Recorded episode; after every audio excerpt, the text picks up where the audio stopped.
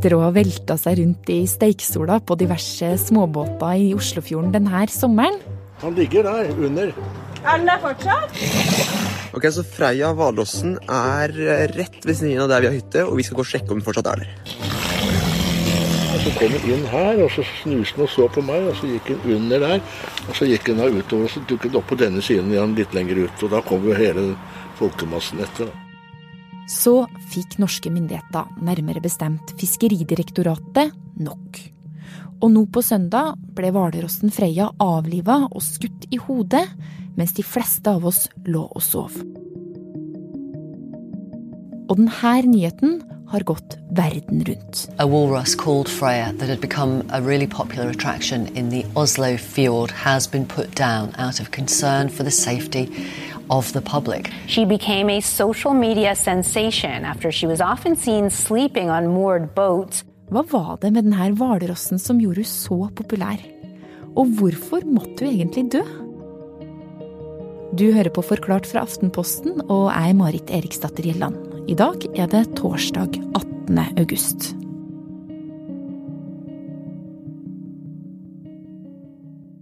Jeg var på vei til blåbærtur i Gjøvik, og, og det viste seg at det var null dekning i området.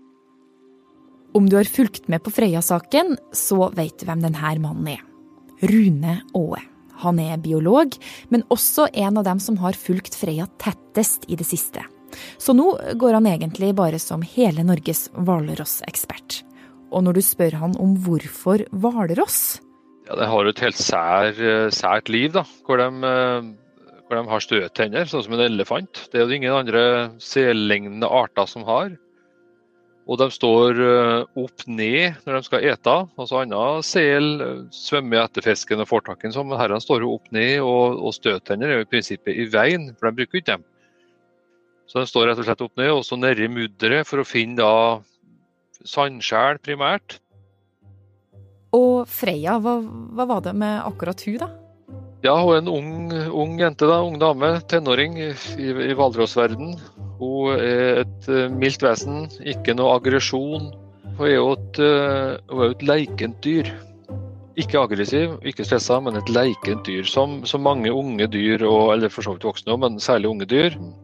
Nei, jeg har ikke noe vondt å si om Freya. Hun har bare vært eh, som hvalross skal være. Ja, og etter en lang sommer med hvalrosskommentering, så var han altså på blåbærtur i et område med dårlig dekning nå på søndagen. Og det var da han som resten av landet fikk beskjeden. Freya er død. Ja, jeg klappa helt sammen. Jeg var, helt sånn nummen i kroppen hele dagen. Fikk ikke gjort noen ting. Så det jeg hadde tenkt. Og heller ikke dagen etter.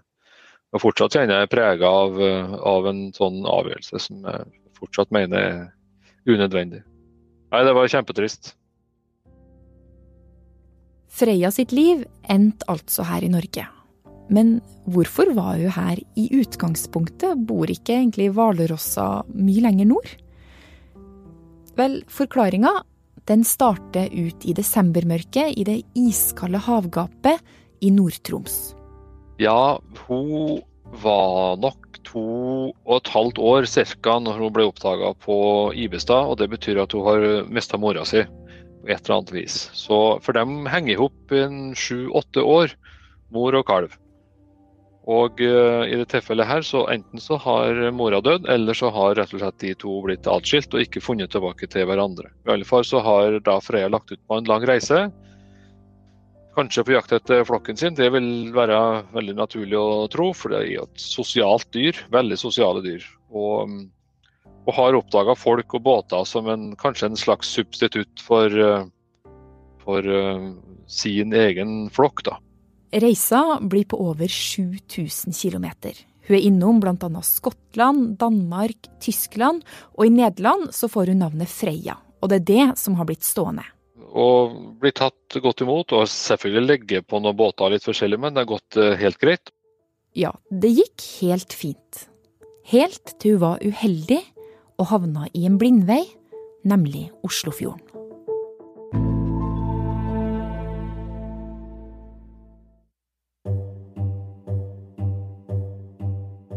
Etter å ha vært på en lang europaturné dukker Freya opp i diverse båter og på brygga langs norskekysten nå i sommer. Hvalrossen Freya er tilbake i Frognerkilen i Oslo etter å ha tilbrakt en langhelg i Bærum. Også i dag skal vi innom sommerkjendisen og hvalrossen Freya. Kjendishvalrossen Freya fortsetter ferden langs norskekysten. Nå er hun i Drøbak, og i ettermiddag slappet hun av på en småbåt. Andreas Bakkefoss, du er journalist her i Aftenposten. Og, og hva skjer med Freya i løpet av sommeren? I eh, juni, midten av juni så dukker eh, Freia opp i Kragerø i Telemark, i båthavna der. Kragerø er en av eh, sørlandsperlene, og det er akkurat sommerferie. Det er massevis av folk ute, og temperaturen i badevannet har begynt å stige. Og dette store, lubne dyret på 600 kilo begynner å velte seg rundt på båter og brygger, og dette gjør jo at folk strømmer til for å se en hvalross på nært hold, og det blir en stor oppmerksomhet eh, i Kragerø rundt eh, Freia. Ja, og derfra så tar hun etter hvert veien innover i Oslofjorden, som jo en blindvei. Hun er innom båthavner og badeplasser, og ender opp ved et enormt stupetårn som kalles Kadettangen, ikke så veldig langt fra Oslo sentrum. Og overalt så strømmer folk til for å få en bit av Freia. Men hva er egentlig grunnen til at du får all denne oppmerksomheten? For det første så er det jo sånn at det å se en hvalross i levende livet, det er jo ikke vanlig. Vi har vel en tre-fire hvalrosser i året, og det er stort sett eh, vest eh, i Norge. Og når da Freia kommer innover Oslofjorden og dukker opp med sin bart og sine skal vi si, store øyne og eh, sin lubne kropp, så er jo veien kort til å bli en kjendis. Så er det jo samtidig sånn at om sommeren så har ikke journalister så veldig mye annet å skrive om hele tiden, så hun får også stor oppmerksomhet eh, i, i, pressen. Og det gjør jo at videoer og bilder og intervjuer av folk som kan mye om Freia, spres eh, fort. Skuelystne beboere i hovedstaden strømmet til med mobilkameraet sitt for å ta bilde av hvalrossen som slappet av i Frognerkilen. Gjennom sommeren så strømmer folk til for å se henne, men eh, etter hvert så begynner det å oppstå situasjoner der eh, mennesker og Freia kommer ganske nær på hverandre, og det er det som til slutt får eh, alarmen til å gå også. Det, det. Det som skjer etter hvert, er at eh, mange av de som er ute og vil se på Freia, eh, de som bader og, og folk i båt eh, og på fjorden, kommer i mange situasjoner altfor nær dette gigantiske dyret på 600 kilo. Får han ikke Han må ha hjelp. Og vi må jo huske på at skulle man komme for nær et slikt dyr, så vet man jo ikke hva som vil skje. Herregud. Og det, er, eh, det, kommer videoer eh, av folk som svømmer febrilsk mot land med Freia hakk i hæl. Åpenbart eh, stressa av at folk kommer for nære. Kan må hjelpe å dra den For Uff a meg. Kom, kom, kom! kom. Etter hvert så truer politiet med å sperre av noen av de største badeplassene i Oslo-området, og de ber folk holde seg unna. Fortsetter å gå da over den her, så kan dere risikere at vi må sperre hele Kadettøya. Eller Kadettangen. Men de sier at eh, mange av de som eh, vil se på Freia, ikke følger deres oppfordring til å holde seg unna. Så når folk ikke klarer å holde seg unna, og det stadig dukker opp nye videoer av folk som er farlig nær Freia, så begynner hun også å møte motstand. Og på ulike medier tar folk til orde for at hun burde avlives. Og nå begynner etter hvert myndighetene også å undersøke hva de kan gjøre med Freia. De vurderer flere alternativer, men i forrige uke så endte de altså på avliving. Om hun ikke dro av seg selv, da. På fredag dukker hun opp på Kadettangen utenfor Oslo, et av de mest befolkede badestrendene i eh, Oslo-området. Og det er en av de varmeste helgene i hele sommer. Hun blir borte igjen, og myndighetene håper at de nå slipper å forholde seg mer til henne. Kanskje hun svømmer ut av eh, fjorden igjen. Men lørdag kveld så dukker Freia opp i Frognerkilen innerst i eh, Oslo. Og det er masse båttrafikk, det er masse badende mennesker i området rundt, og, og, da tar de beslutningen om at nå er det nok, nå må vi avlive Freia. Ja, og hva er det de da gjør? Det er mye vi ikke vet om den aksjonen, men det vi vet er at de tidlig søndag morgen eh, skyter Freia med rifle og drar henne opp eh, på en båt, eh, dekker henne med en presenning og, og frakter henne bort. Og de sa at grunnen til at de gjorde det på søndag morgen, var at det var det første mulige tidspunktet å gjøre det på pga. hennes bevegelser. Sannsynligvis betyr det at hun lå på land eller nær eh, land, på grunt vann. For hvis hun hadde vært ute i fjorden og de hadde skutt henne, så hadde hun jo eh, sunket. Og hva sier myndighetene i grunnen da, til at de måtte gjøre det her? Myndighetene mener jo at menneskets liv og, helse eh, kunne komme i fare, og det var grunnen til at hun måtte avlives. Og det er jo først og fremst badende og roende og folk på, på stranda de tenker på da. Og de mener at folk flest ikke var flinke nok til å følge oppfordringene eh, om å holde avstand. Og at det oppsto så mange farlige situasjoner at de rett og slett måtte avlive henne. Vi ønsker god kveld og velkommen til Dagsrevyen. Og først til avlivingen av hvalrossen Freia, som vekker et voldsomt engasjement, ikke bare i Norge. For dette har skapt sterke reaksjoner og avisoppslag flere steder i verden. Og her hjemme må fiskeriministeren nå svare i Stortinget. Fiskeridirektøren sier at hensynet til folks sikkerhet til slutt veide tyngst. Og når det her blir kjent, så kommer også reaksjonene. Og det var jo bunnløst trist.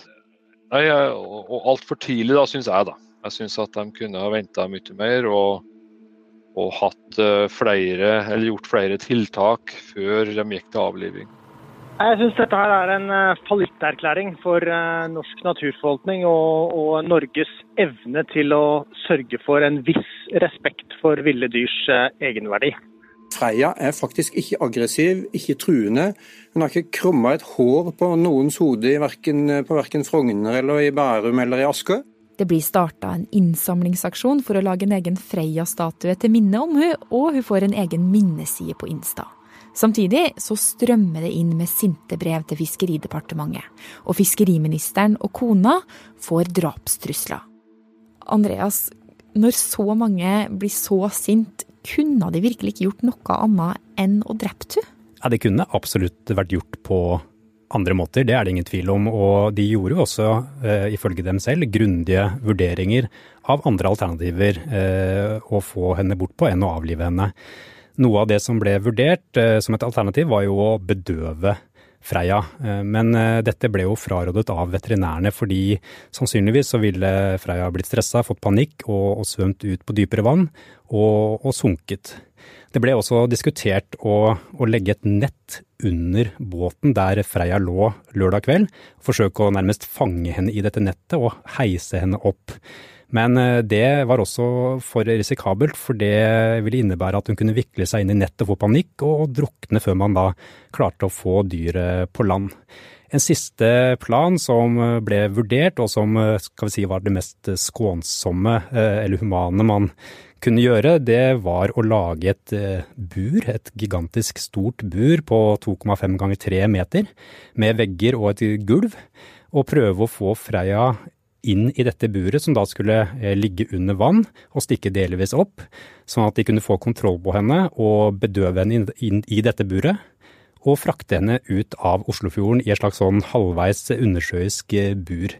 Men uh, dette ble også vurdert uh, for å være for komplisert, det ville ta tid å lage sånt bur, og det var rett og slett for ressurskrevende. Så til slutt så, så, ble hun avlivet. Og myndighetene mener jo at de har vurdert alt nøye og gjort en svært grundig vurdering av de ulike alternativene de hadde, men at de falt ned på at dette var det riktige å gjøre. Men mens myndighetene sier det her var eneste løsning for å unngå farlige situasjoner der folk kunne ha blitt drept, så vil enkelte kritikere hevde at det her ikke er så overraskende at eh, Freya ble skutt akkurat i Norge. Ja, vi har jo iallfall lang tradisjon på å jakte på sjøpattedyr eh, også, og vi har eh, en lang jegertradisjon i Norge. Man kan sikkert mene mye om hva dette sier om oss nordmenn, men det er jo interessant, syns jeg, da rent journalistisk også, at Freya har vært i mange andre land. Og først når hun da er så uheldig å forvikle seg inn i Oslofjorden, i en blindgate, så blir hun skutt. Og det er noe med dynamikken også. Eh, hun er et stort sjøpattedyr, et vilt eh, dyr som svømmer der hvor de vil. Eh, og hun møter da Oslosommeren 2022 som er full av badende gjester og, og, og båter. Og vi er kanskje ikke så vant lenger med å leve med så store dyr i nærheten av oss, og når de kommer i veien da, så blir det et problem som vi må forholde oss til. Så mener jo mange også at Freya var langt unna sitt naturlige habitat. Hun hadde det ikke bra. Vi burde få henne bort uansett. Men jeg tenker at det sier noe om samfunnet vårt også, når, når vi ikke klarer å leve med slike dyr i nærheten. Det som står igjen, er at folk har hatt en fantastisk naturopplevelse i møte med en hvalross. Det er jo stort sett eh, de fleste som har sett Freia, syns det har vært en kjempeopplevelse gjennom hele sommeren og fått lov til å, å besøke Freya. Og det ble jo hennes bane òg, at det ble så mange som hadde lyst til å være en del av Freias liv, at hun til slutt eh, ble avliva fordi at folk kom for nærme.